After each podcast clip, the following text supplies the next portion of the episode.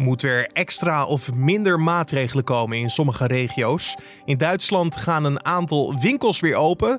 En is de museumsector blij met het noodpakket van 300 miljoen euro voor de culturele sector? Je hoort het in deze editie van de Dit wordt het nieuws podcast. Iedereen is zeer bereidwillig om mee te denken hoe ook uh, uh, de museumsector uh, deze coronacrisis kan, ja, kan doorstaan. Vandaag begint de zesde editie van de Nationale Museumweek. Normaal gesproken een moment dat museums veel bezoekers ontvangen om te genieten van het kunstrijke Nederland. Echter, door de coronacrisis zijn alle deuren gesloten en zal dit evenement digitaal gehouden worden. Hoe deze week eruit ziet en hoe zwaar de musea het hebben, daarover ga ik in gesprek met Mirjam Mol, directeur van de museumvereniging. Maar eerst kijken we kort naar het belangrijkste nieuws van nu.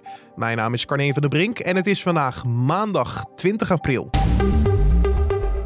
Een gewapende man heeft in de nacht van zaterdag op zondag tijdens een 12 uur durende klopjacht in de Canadese provincie Nova Scotia meer dan 16 mensen doodgeschoten, onder wie een politieagenten.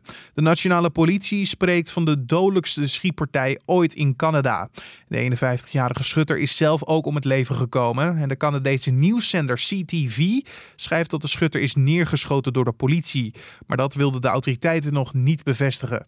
De dader zou tijdens de schietpartijen enige tijd een politieuniform hebben gedragen. De Canadese politie heeft nog geen idee wat het motief achter de moordpartij is geweest. Ouderen met een coronabesmetting komen minder op de intensive care terecht. Dat concludeert Trouw op basis van cijfers van Stichting Nationale Intensive Care Evaluatie en het Rijksinstituut voor Volksgezondheid en Milieu. Hoewel in maart ruim 1 op de 3 coronapatiënten op de IC ouder was dan 70 jaar, daalde dat in april naar 1 op de 4. De daling in het aantal ouderen op de IC komt waarschijnlijk doordat zieke ouderen vaker thuis worden behandeld, schrijft de krant. Sinds 27 maart hanteren artsen een nieuwe leidraad met betrekking tot ziekenhuisopnames voor ouderen met corona. Zo wordt er samen met de patiënt en familieleden besproken of een eventuele ziekenhuisopname nog zinvol is. De Amerikaanse president Donald Trump gaat de Defense Production Act inzetten om 10 miljoen wattenstaafjes per maand te produceren die gebruikt worden bij coronatest. Dat liet Trump tijdens de dagelijkse persconferentie weten. De oorlogswet werd direct na het begin van de Korea-oorlog geïntroduceerd en geeft de Amerikaanse president het recht om in de VS geproduceerde apparatuur in eigen land te houden. In de Verenigde Staten heerst er een tekort aan testmateriaal, waaronder wattenstaafjes. En gouverneurs van verschillende staten hebben geklaagd dat ze niet genoeg coronatests kunnen uitvoeren door deze tekorten. Aan de nationale bijentelling, die dit weekend voor de derde keer werd gehouden, deden dit jaar een record aantal tellers mee. Meer dan 10.000 mensen telden in totaal ruim 135.000 bijen. Dat er dit jaar meer mensen hebben deelgenomen aan de bijentelling kan mede komen door de coronamaatregelen. Mensen hebben nu natuurlijk de tijd en zijn mogelijk ook meer betrokken bij hun tuin dan eerder. Al dus insectenexpert Vincent Kalkman. Net als voorgaande jaren is de honingbij de meest getelde bij, gevolgd door de rosse metselbij. En dan wat er vandaag op de agenda staat. Ten eerste laten we ons licht schijnen op de start van de digitale Nationale Museumweek. Vanwege het COVID-19-virus zijn de museums noodgedwongen dicht en kan je deze enkel en alleen online beleven. Zo'n 400 musea brengen online een ode aan 75 jaar culturele vrijheid. Want dat is het thema van deze zesde editie. En dat doen ze in samenwerking met het Nationaal Comité 4 en 5 mei. En ja, 75 jaar culturele vrijheid vieren in een tijd waarin de wereld op slot is en waarvan je verwacht wordt om zoveel mogelijk thuis te blijven. Het heeft iets bizars. Ik belde hierover met Mirjam Mol, directeur van de museumvereniging. Want hoe kijken zij naar het feit dat museums nu al een aantal weken gedwongen dicht zijn vanwege de coronacrisis? Ja, het zijn uh, uitzonderlijke tijden voor uh, alles en iedereen. En wij vinden het heel terecht dat uh, het kabinet onze volksgezondheid uh, voorop zet. Dus we hebben ook begrip voor het besluit tot tijdelijke uh, sluiting uh, van musea. Maar het is natuurlijk zonde dat het publiek niet naar mooie tentoonstellingen kan.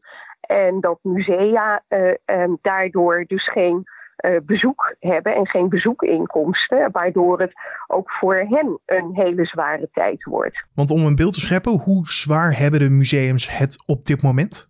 Als je kijkt naar de, de uh, derving van uh, publieksinkomsten, die bedraagt per week zo'n 10 miljoen euro. En dat is voor de ruim 400 musea die aangesloten zijn bij de museumvereniging. En die vertegenwoordigen ongeveer 95 procent van de omzet. Dat is, dat is enorm veel. En hoe, in hoeverre hebben die museums buffers om deze tijd te overbruggen? Um, een museum is een algemeen nut beogende instelling, zoals dat zo mooi heet bij de Belastingdienst. En dat betekent dat je uh, geen winst mag maken. En omdat ook veel musea uh, gesubsidieerd worden voor een deel, uh, mogen ze ook niet al te veel reserves hebben. Dus de meeste musea hebben slechts heel beperkte buffers om dit nu te kunnen ondervangen. Mm. Want er is uh, nu een, eh, een, steunpakket van 300 miljoen euro voor de culturele sector. Um, hoe, hoe ziet die steun eruit voor de musea's? Dat, uh, we zijn hartstikke blij dat uh, het kabinet besloten heeft ook om voor de cultuursector specifiek nog extra steun extra middelen voor steun vrij te maken. En um, het is nog onderwerp van gesprek met de minister hoe precies de verdeling van die gelden zal zijn. Maar we hebben daar wel een, een zorg bij. En dat is dat uh, de middelen vooral uh, bedoeld lijken te zijn voor rijks, rijksgesubsidieerde instellingen. Terwijl uh, in het land, hè, eigenlijk bijna 400 musea, in ieder geval niet door het Rijk ondersteund worden. Zou het dan kunnen dat zij tussen wal en schip belanden? Dat, daar, wij gaan alles eraan doen om te voorkomen dat zij tussen wal en schip vallen. Ja, precies. Dat dat niet gebeurt, inderdaad. Dat zij gewoon wel ja. steun krijgen, inderdaad. Want jullie ja. hadden een eerste raming gemaakt van hoe de crisis voor heel veel ja, museums eruit gaat zien. Toen was het vrees dat, dat 100 museums het einde van het jaar niet kunnen halen. Hoe, hoe ziet die, die, die, die, dat doemscenario er nu uit? Dat is daardoor eigenlijk nog niet veranderd. Omdat de musea die op omvallen staan, dat uh, zijn uh, voor al uh, middelgrote en middelkleine musea die door gemeenten gesubsidieerd worden. En uh, daar biedt dit uh, steunpakket uh, nog geen soelaas voor. Want als we dan even terug de tijd ingaan voor de coronacrisis, hoe was het gesteld economisch, financieel gezien met deze tak van de culturele sector?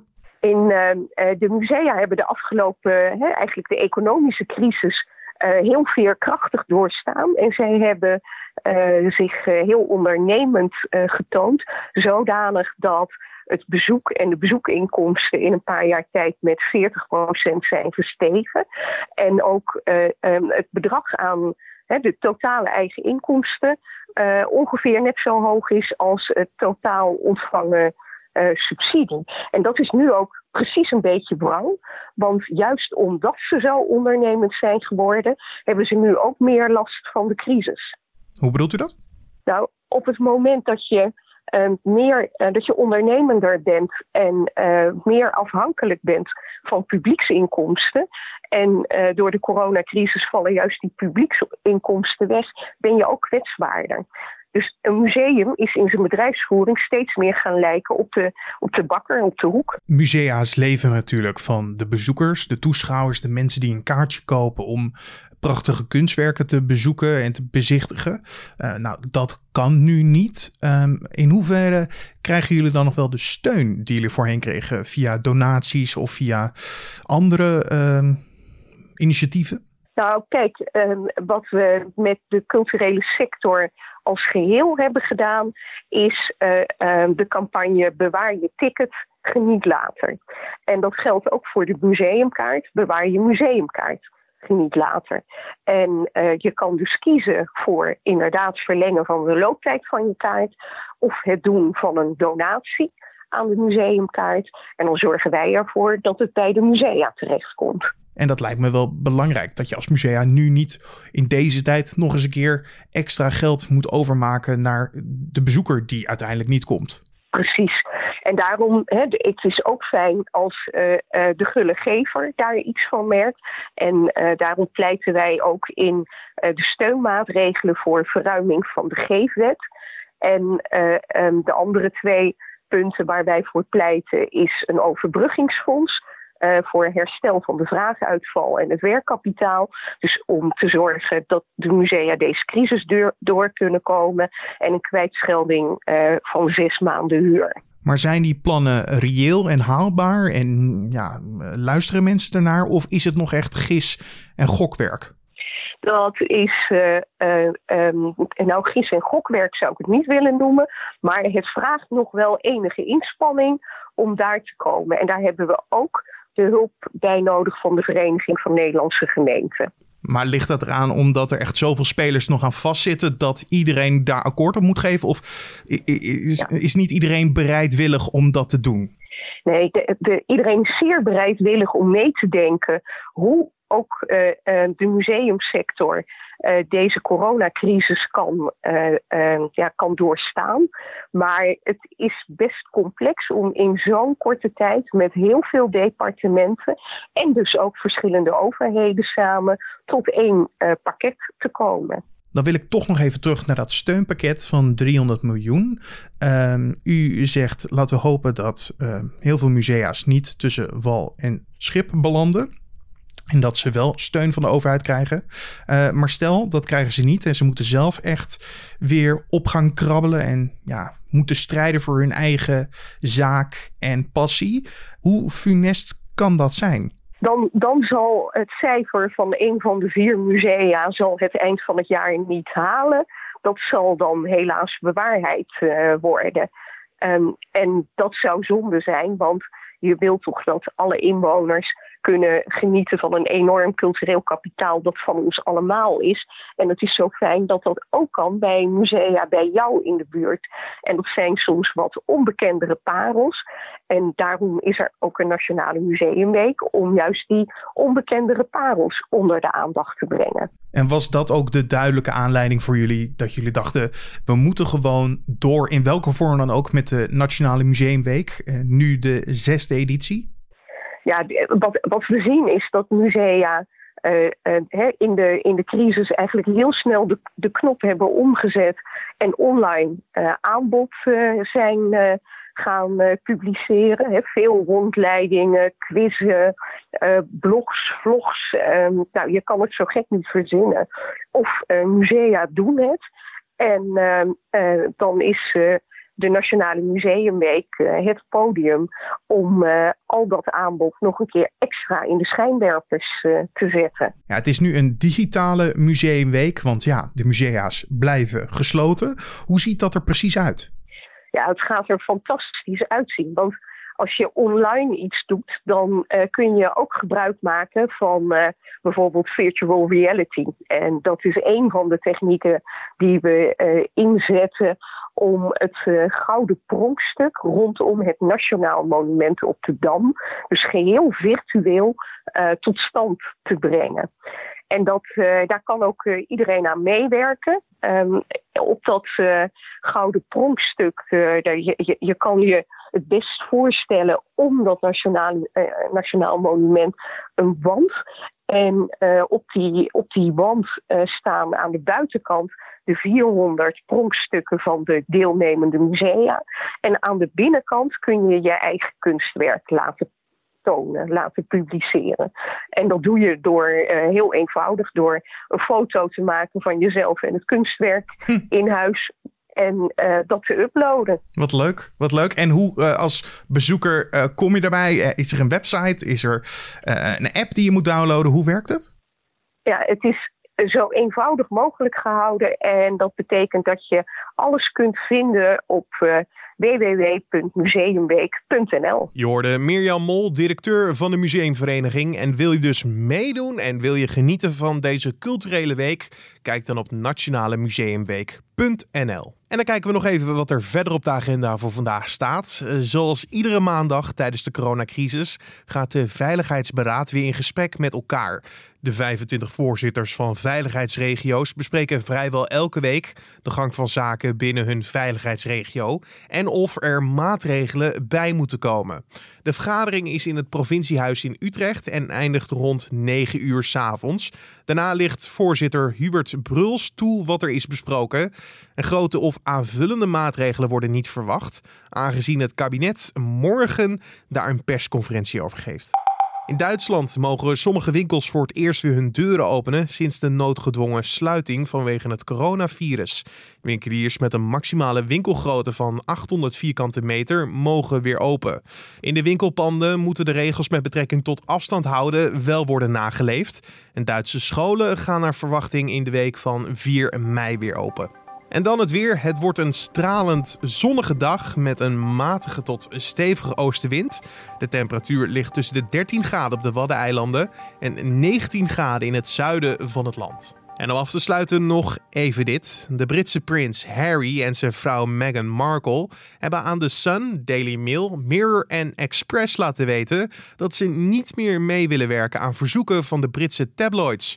In een brief aan de betrokken media liet het koppel weten alleen nog in uiterste gevallen via hun advocaten met de tabloids te spreken. Dat schrijven meerdere Britse media, waaronder The Guardian.